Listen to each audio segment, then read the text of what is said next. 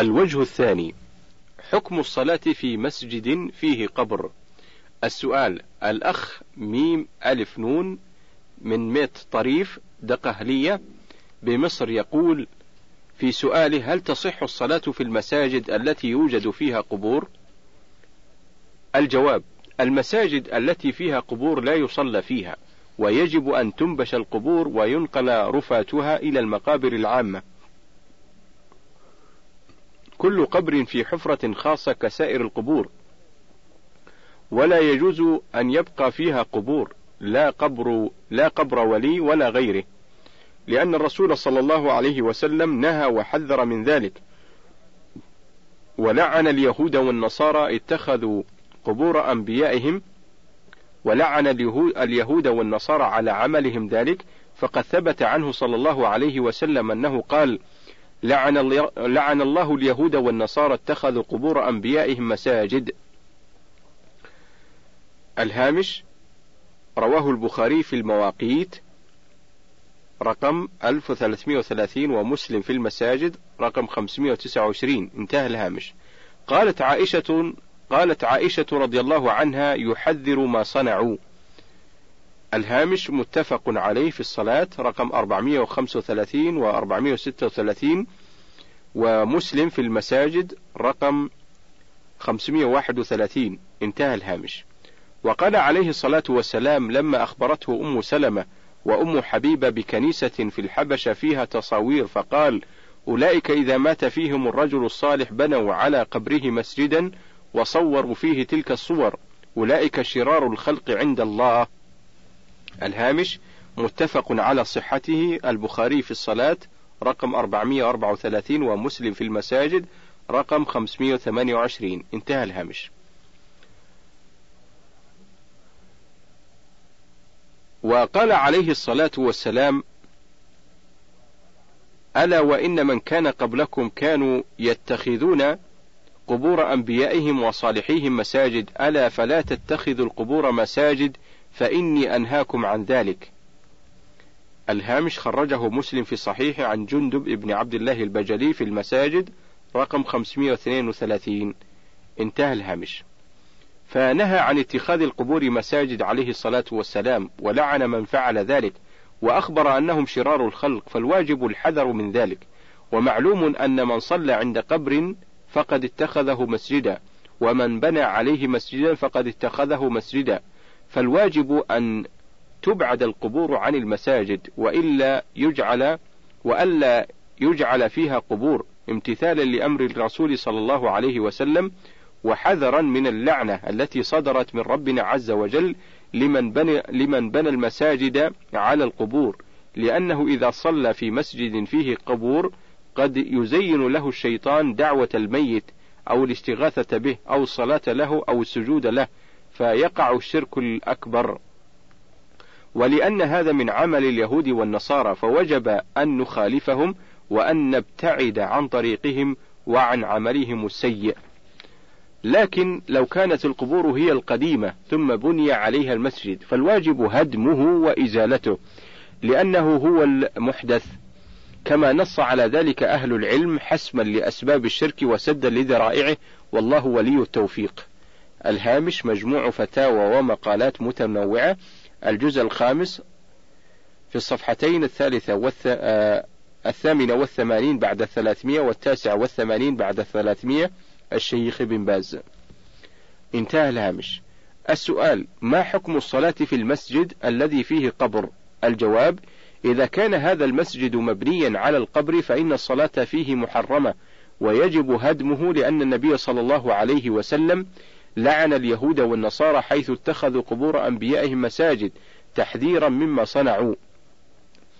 وأما إذا كان المسجد سابقا على القبر فإنه يجب إخراج القبر من المسجد ويدفن فيما يدفن فيه المسلمون.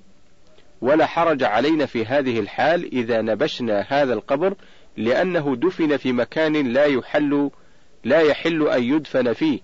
فإن المساجد لا يحل دفن الموتى فيها والصلاة في المسجد إذا كان سابقا على القبر صحيحة بشرط ألا يكون القبر في ناحية القبلة فيصلي الناس إليه لأن النبي صلى الله عليه وسلم نهى عن الصلاة إلى القبور.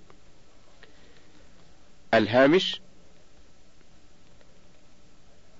روى ذلك مسلم في المساجد رقم 973 بلفظ لا تجلسوا على القبور ولا تصلوا إليها. انتهى الهامش. وبالإمكان إذا لم يتمكنوا من نبش القبر أن يهدموا سور المسجد. الهامش مجموع فتاوى ورسائل الشيخ ابن عثيمين الجزء الثاني في الصفحتين الرابعة والثلاثين بعد المئتين والخامسة والثلاثين بعد المئتين انتهى الهامش حكم الصلاة في المسجد الذي فيه قبر؟ السؤال ما حكم الصلاة في المسجد الذي إذا كان فيه قبر أو بساحته أو في قبلته؟ الجواب إذا كان في المسجد قبر فالصلاة فيه غير صحيحة سواء كان خلف المصلين أو أمامهم أو عن أيمانهم أو, عن شمائلهم لقول النبي صلى الله عليه وسلم لعن الله اليهود والنصارى اتخذوا قبور أنبيائهم مساجد. الهامش متفق على صحته. البخاري في المواقيت رقم 1330 ومسلم في المساجد رقم 529 انتهى الهامش. ولقوله صلى الله عليه وسلم ألا وإن من كان قبلكم كانوا يتخذون قبور أنبيائهم وصالحيهم مساجد. ألا فلا تتخذوا القبور مساجد فإني أنهاكم عن ذلك. الهامش رواه الإمام مسلم في الصحيح في المساجد رقم 532 انتهى الهامش ولأن الصلاة عند القبر من وسائل الشرك والغلو في أهل القبور فوجب منع ذلك عملا بالحديثين المذكورين وما جاء في معناهما وسدا لذريعة الشرك. الهامش فتاوى مهمة تتعلق بالصلاة في الصفحتين السابعة عشرة والثامنة عشرة الشيخ بن باز رحمه الله. انتهى الهامش. حكم دفن الموتى في المساجد. السؤال: ما حكم دفن الموتى في المساجد؟ الجواب: الدفن في المساجد نهى عنه النبي صلى الله عليه وسلم، ونهى عن اتخاذ المساجد على القبور، ولعن من اتخذ ذلك وهو في سياق الموت يحذر أمته ويذكر صلى الله عليه وسلم أن هذا من فعل اليهود والنصارى ولأن هذا وسيلة إلى الشرك بالله عز وجل لأن إقامة المساجد على القبور ودفن الموت فيها وسيلة إلى الشرك بالله عز وجل في أصحاب هذه القبور فيعتقد الناس أن أصحاب هذه القبور المدفونين في المساجد ينفعون أو يضرون أو أن لهم خاصية تستوجب أن يتقرب إليهم بالطاعات من دون الله سبحانه. فيجب على المسلمين أن يحذروا من هذه الظاهرة الخطيرة، وأن تكون المساجد خالية من القبور مؤسسة على التوحيد والعقيدة الصحيحة. قال الله تعالى: وأن المساجد لله فلا تدعوا مع الله أحدا. سورة الجن الآية الثامنة عشرة. فيجب أن تكون المساجد لله سبحانه وتعالى خالية من مظاهر الشرك تؤدى فيها عبادة الله وحده لا شريك له هذا هو واجب المسلمين والله الموفق الهامش فتاوى العقيدة ابن عثيمين في الصفحتين السادسة والعشرين والسابعة والعشرين.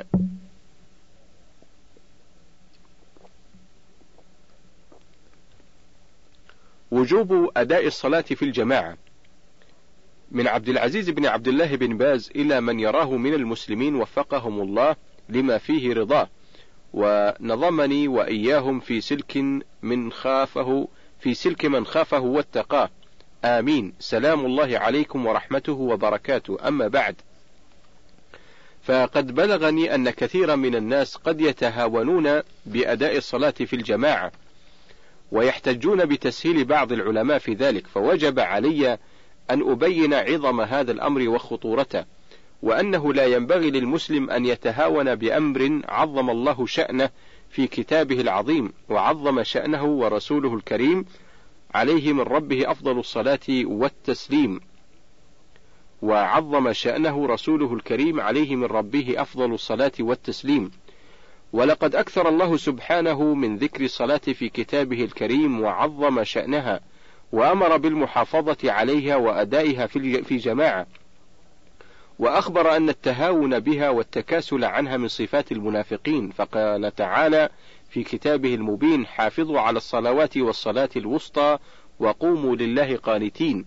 سورة البقرة الآية الثامنة والثلاثون بعد المئتين. وكيف تعرف محافظة العبد عليها وتعظيمه لها؟ وقد تخلف عن أدائها مع إخوانه وتهاون في شأنها.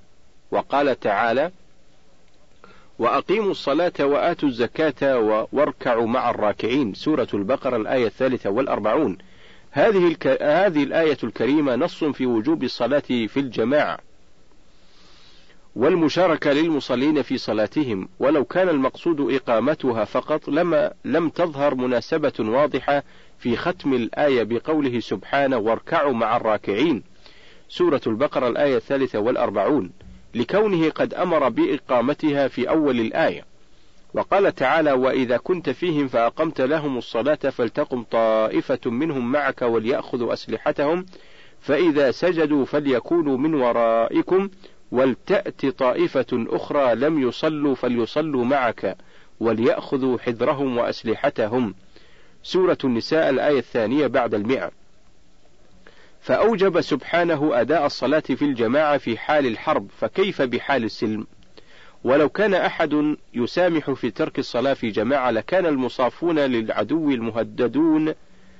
ولو كان أحد يسامح في ترك الصلاة في جماعة لكان المصافون للعدو المهددون بهجومه عليهم أولى بأن يسمح لهم في ترك الجماعة.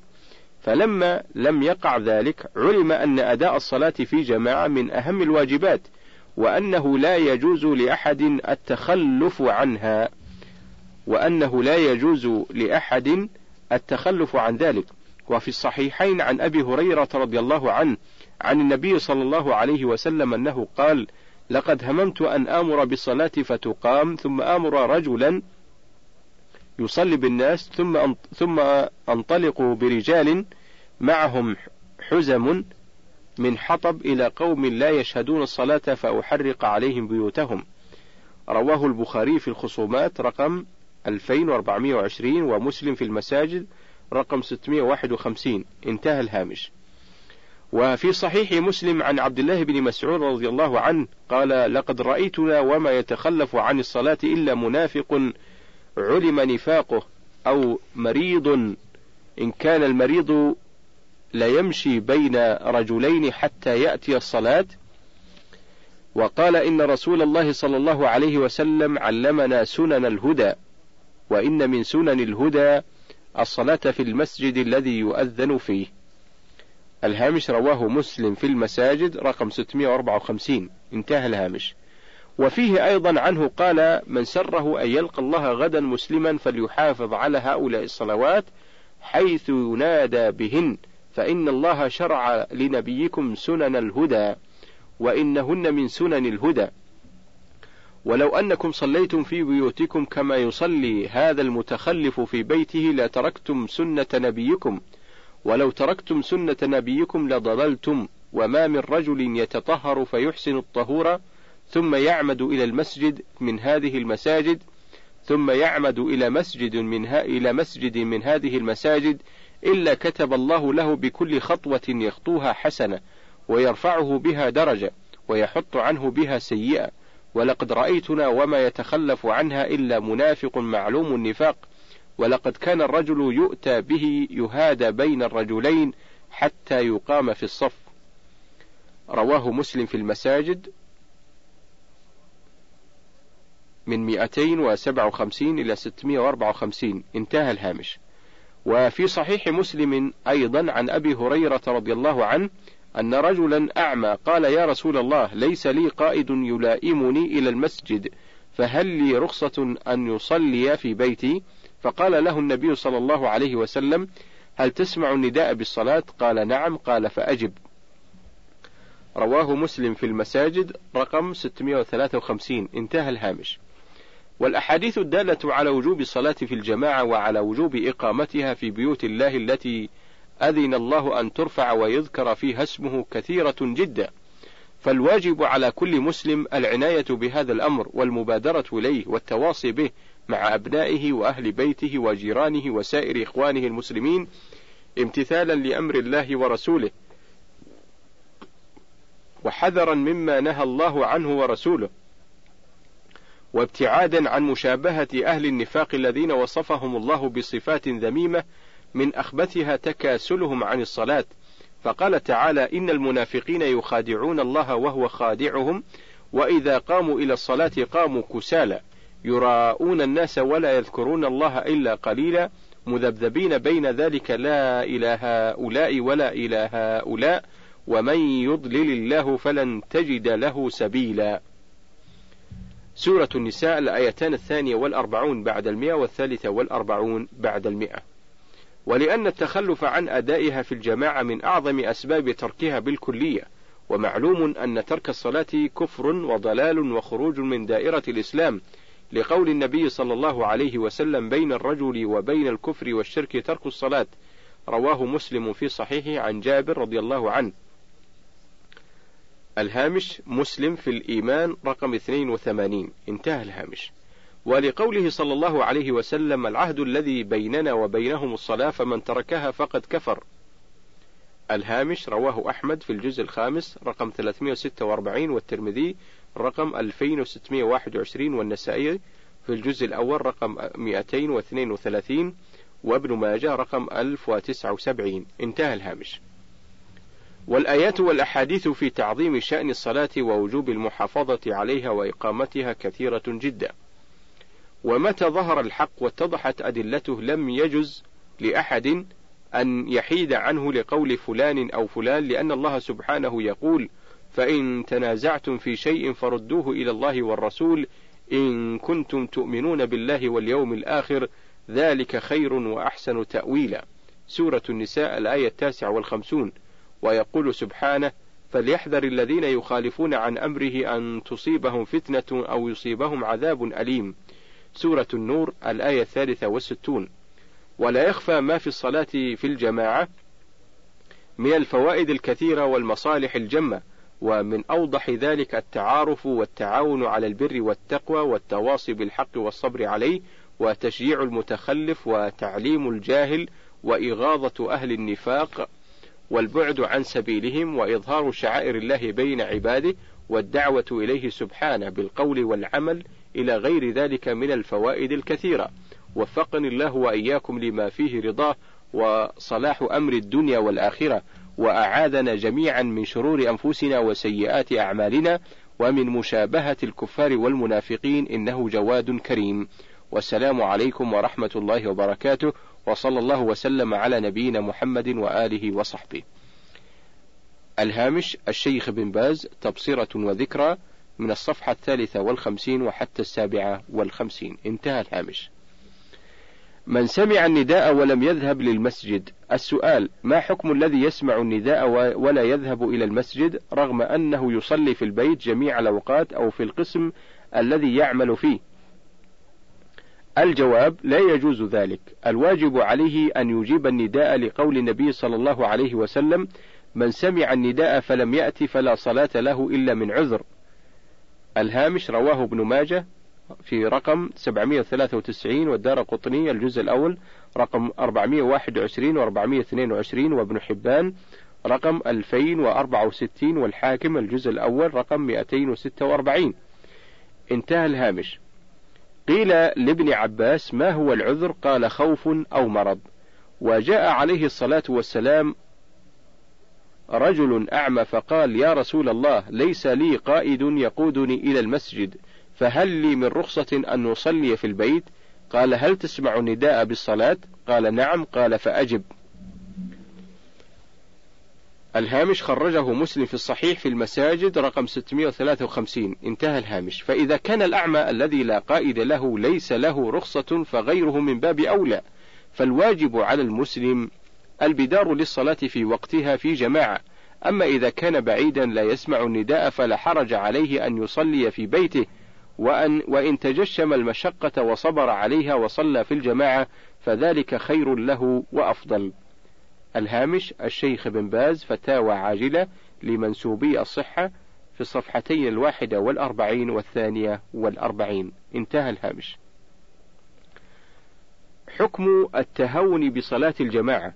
السؤال يتهاون كثير من المسلمين اليوم بالصلاة في الجماعة وحتى بعض طلبة العلم ويتعللون بأن بعض العلماء قال بعدم وجوبها، فما حكم صلاة الجماعة وبماذا تنصحون هؤلاء؟ الجواب: الصلاة في الجماعة الصلاة في الجماعة مع المسلمين في المساجد واجبة بلا شك في أصح أقوال أهل العلم على كل رجل قادر يسمع النداء لقول النبي صلى الله عليه وسلم: من سمع النداء فلم يأت فلا صلاة له إلا من عذر. الهامش خرجه ابن ماجه رقم 793 والدار قطنية الجزء الأول في الصفحتين رقم 421 و 422 وابن حبان رقم 2064 والحاكم الجزء الأول رقم 246 بسند صحيح. انتهى الهامش. وقد سئل ابن عباس رضي الله عنهما عن العذر فقال خوف أو مرض.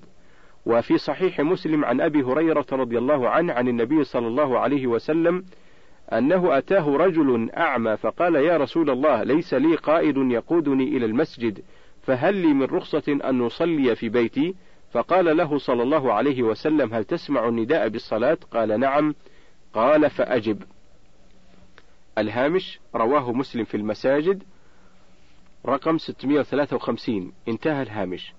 وفي الصحيحين عن أبي هريرة رضي الله عنه عن النبي صلى الله عليه وسلم أنه قال لقد هممت أن آمر بالصلاة فتقام ثم آمر رجلا فيؤم الناس ثم انطلقوا برجال معهم حزم من حطب إلى قوم لا يشهدون الصلاة فأحرق عليهم بيوتهم. الهامش رواه البخاري في الخصومات رقم 2420 ومسلم في المساجد رقم 651 انتهى الهامش.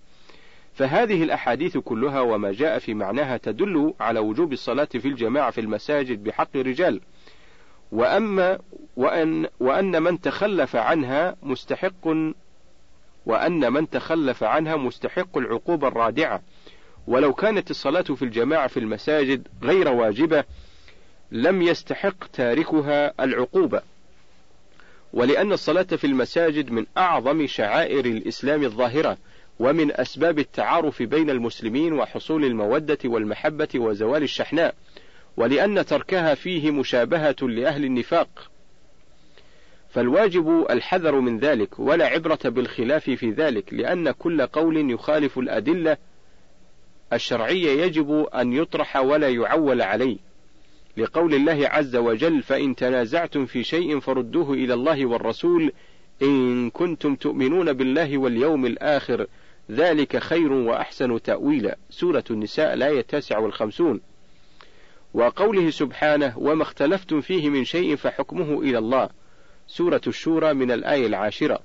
وفي صحيح مسلم عن عبد الله بن مسعود رضي الله عنه أنه قال لقد رأيتنا وما يتخلف عنها أي الصلاة في جماعة إلا منافق أو مريض ولقد كان الرجل يؤتى به يهادى بين الرجلين حتى يقام في الصف. الهامش رواه مسلم في المساجد رقم 654 انتهى الهامش. ولا شك أن هذا يدل على عناية الصحابة بصلاة الجماعة في المسجد وحرصهم عليها حتى إنهم يأتون بعض الأحيان بالرجل المريض يهادى بين الرجلين حتى يقام في الصف وذلك من, شد من شدة حرصهم على صلاة الجماعة رضي الله عنهم جميعا. والله ولي التوفيق.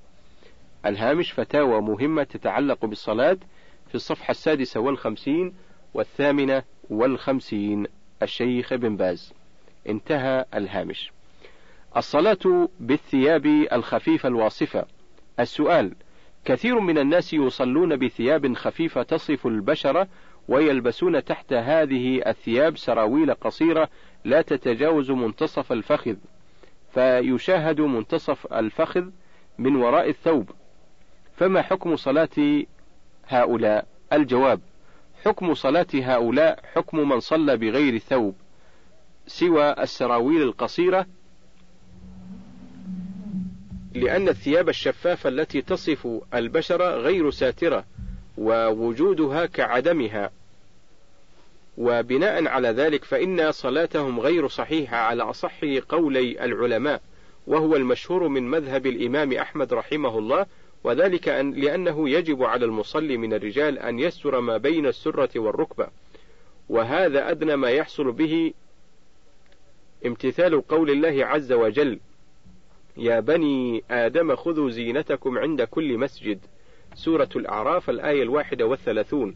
فالواجب عليهم أحد أمرين إما أن يلبسوا سراويل تستر ما بين السرة والركبة وإما أن يلبسوا فوق هذه السراويل القصيرة ثوبا صفيقا لا يصف البشرة وهذا الفعل الذي ذكر في السؤال خطأ وخطير فعليهم أن يتوبوا إلى الله تعالى منه وأن يحرصوا على إكمال ستر ما يجب ستره في صلاتهم نسأل الله تعالى لنا ولإخواننا المسلمين الخير والهداية والتوفيق لما يحبه ويرضاه إنه جواد كريم.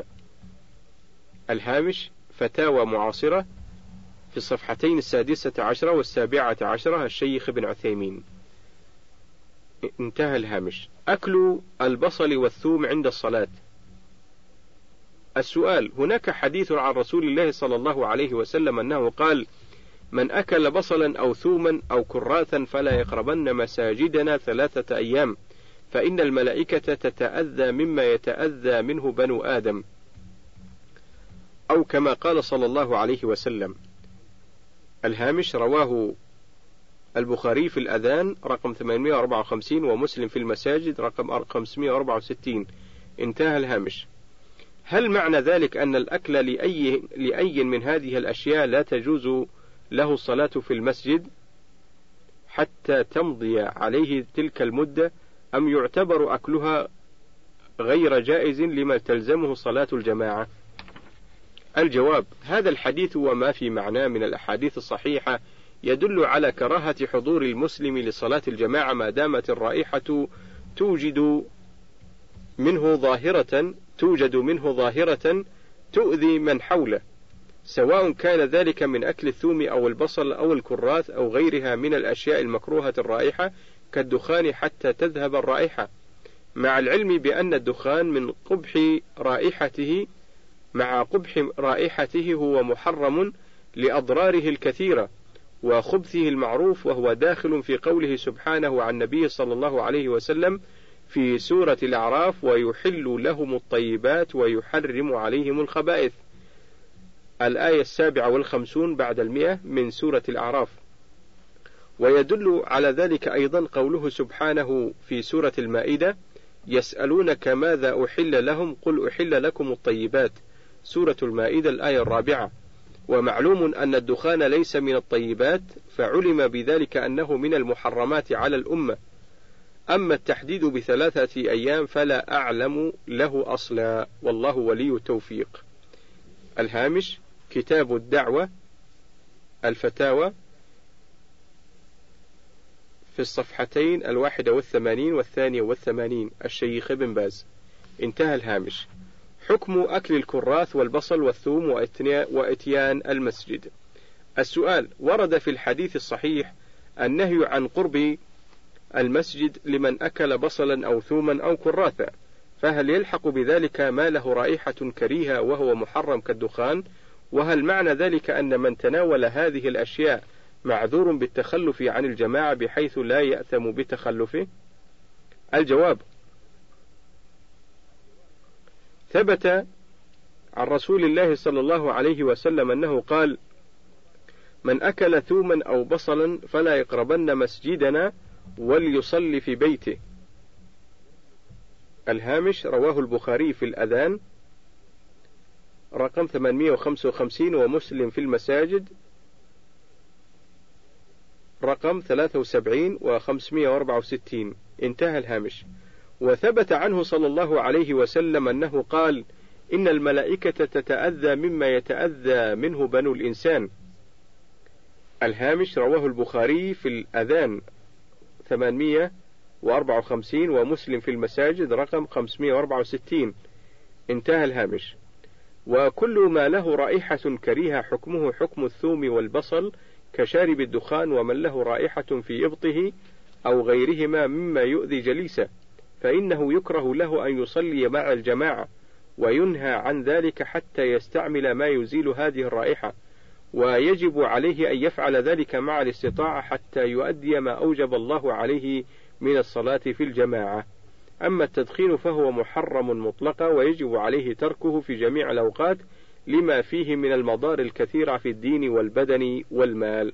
أصلح الله حال المسلمين ووفقهم لكل خير.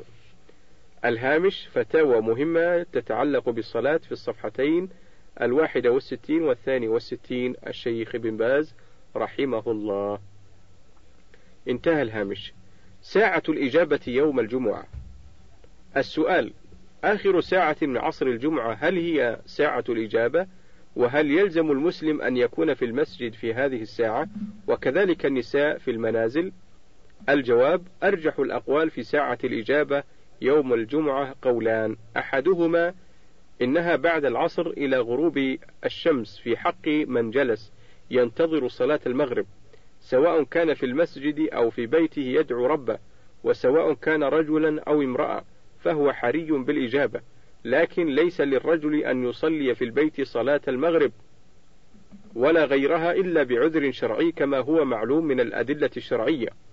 والثاني أنها من حين يجلس الإمام على المنبر للخطبة يوم الجمعة إلى أن تقضى الصلاة فالدعاء في هذين الوقتين حري بالإجابة وهذان الوقتان هما أحرى ساعات الإجابة يوم الجمعة لما ورد فيهما من الأحاديث الصحيحة الدالة على ذلك وترجى هذه الساعة في بقية ساعات اليوم وفضل الله واسع سبحانه وتعالى.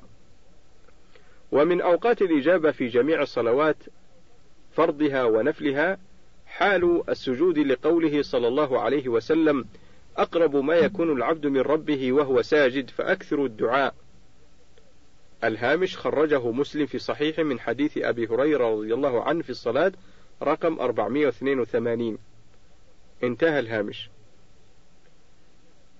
وروى مسلم رحمه الله في صحيحه عن ابن عباس رضي الله عنه رضي الله عنهما أن النبي صلى الله عليه وسلم قال أما الركوع فعظموا فيه الرب وأما السجود فاجتهدوا في الدعاء فقمن أن يستجاب لكم.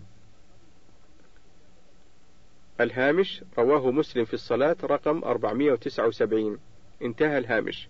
ومعنى قوله صلى الله عليه وسلم فقمن أن يستجاب لكم أو أي حري.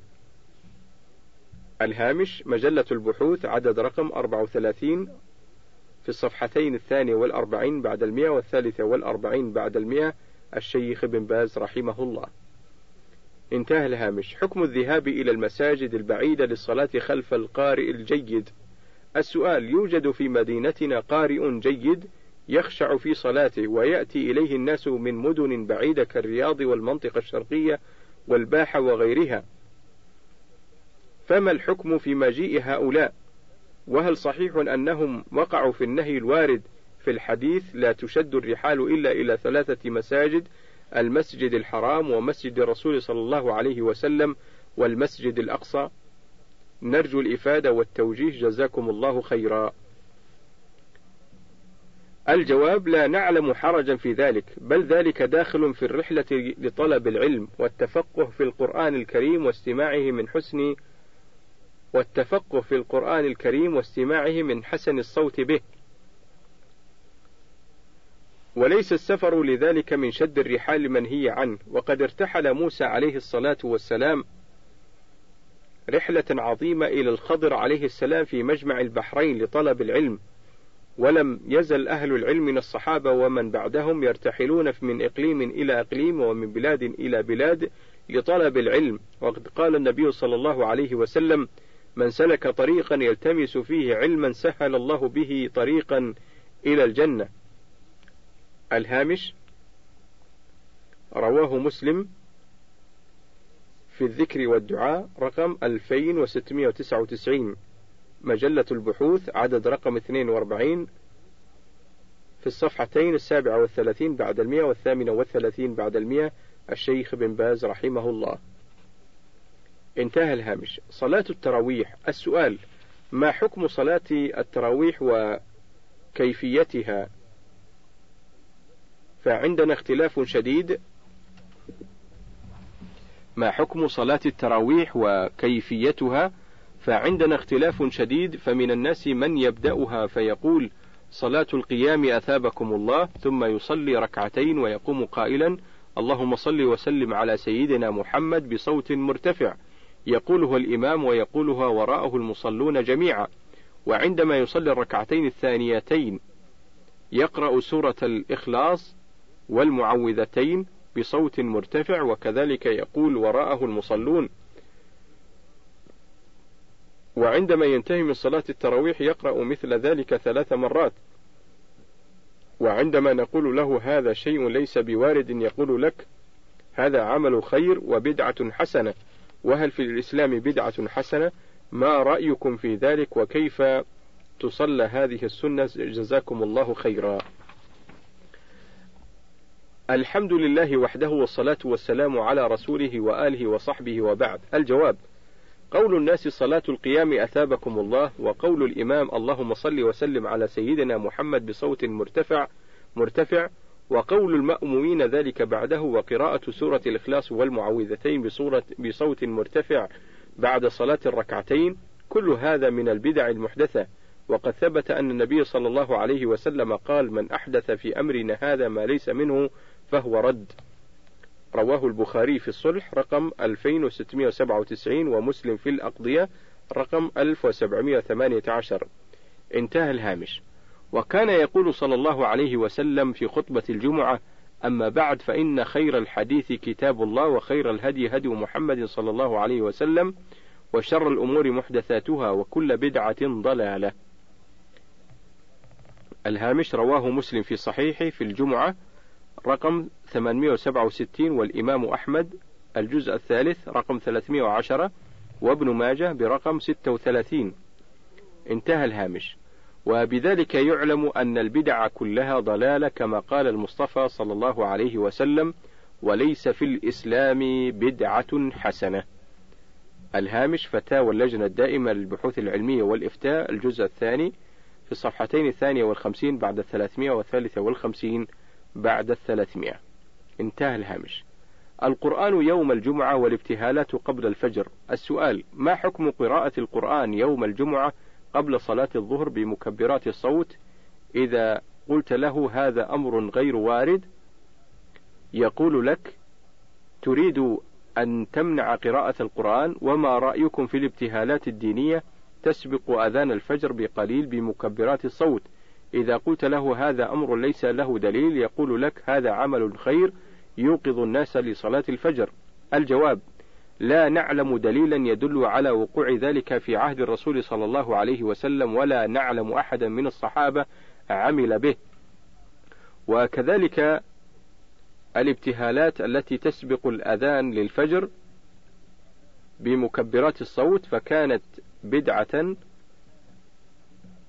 وكل بدعة ضلالة. وقد ثبت أن النبي صلى الله عليه وسلم قال من أحدث في أمرنا هذا ما ليس منه فهو رد. الهامش رواه البخاري في الصلح رقم 2697 ومسلم في الأقضية رقم 1718 انتهى الهامش.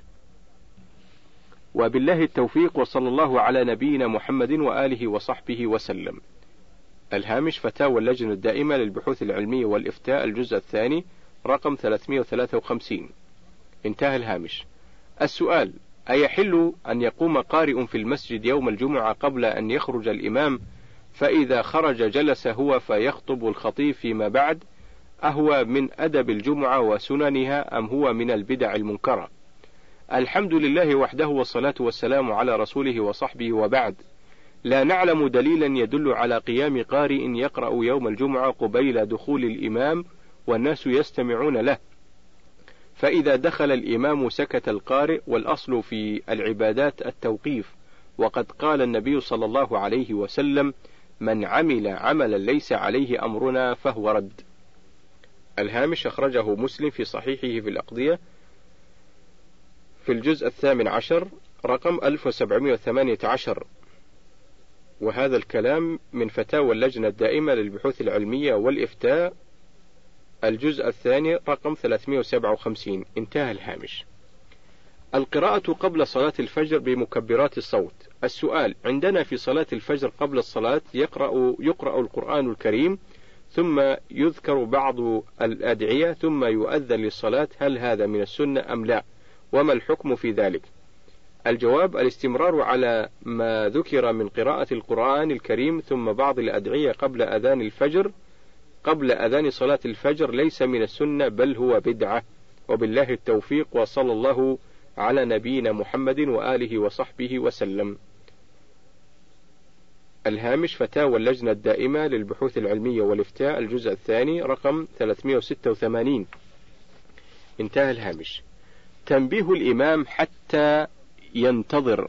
السؤال نرى بعض الناس إذا دخل المسجد والإمام راكع تنحنح بقصد إسماع الإمام حتى ينتظر أو يقول إن الله مع الصابرين والسعي بسرعة حتى يدرك الركعة مع الإمام فما حكم ذلك؟ الجواب هذا العمل ينافي آداب الداخل إلى المسجد فإن المسلم في هذه الحالة مأمور بأن يمشي إلى الصلاة بسكينة فما أدرك فليصلي وما فاته فليتم كما في الحديث عنه صلى الله عليه وسلم أنه قال إذا أتيتم الصلاة فعليكم بالسكينة فما أدركتم فصلوا وما فاتكم فأتموا. الهامش رواه البخاري في الأذان رقم 635 ومسلم في المساجد رقم 603 انتهى الهامش. وعنه صلى الله عليه وسلم أنه قال إذا سمعتم الإقامة فامشوا إلى الصلاة وعليكم السكينة والوقار. ولا تسرعوا فما أدركتم فصلوا وما فاتكم فأتموا.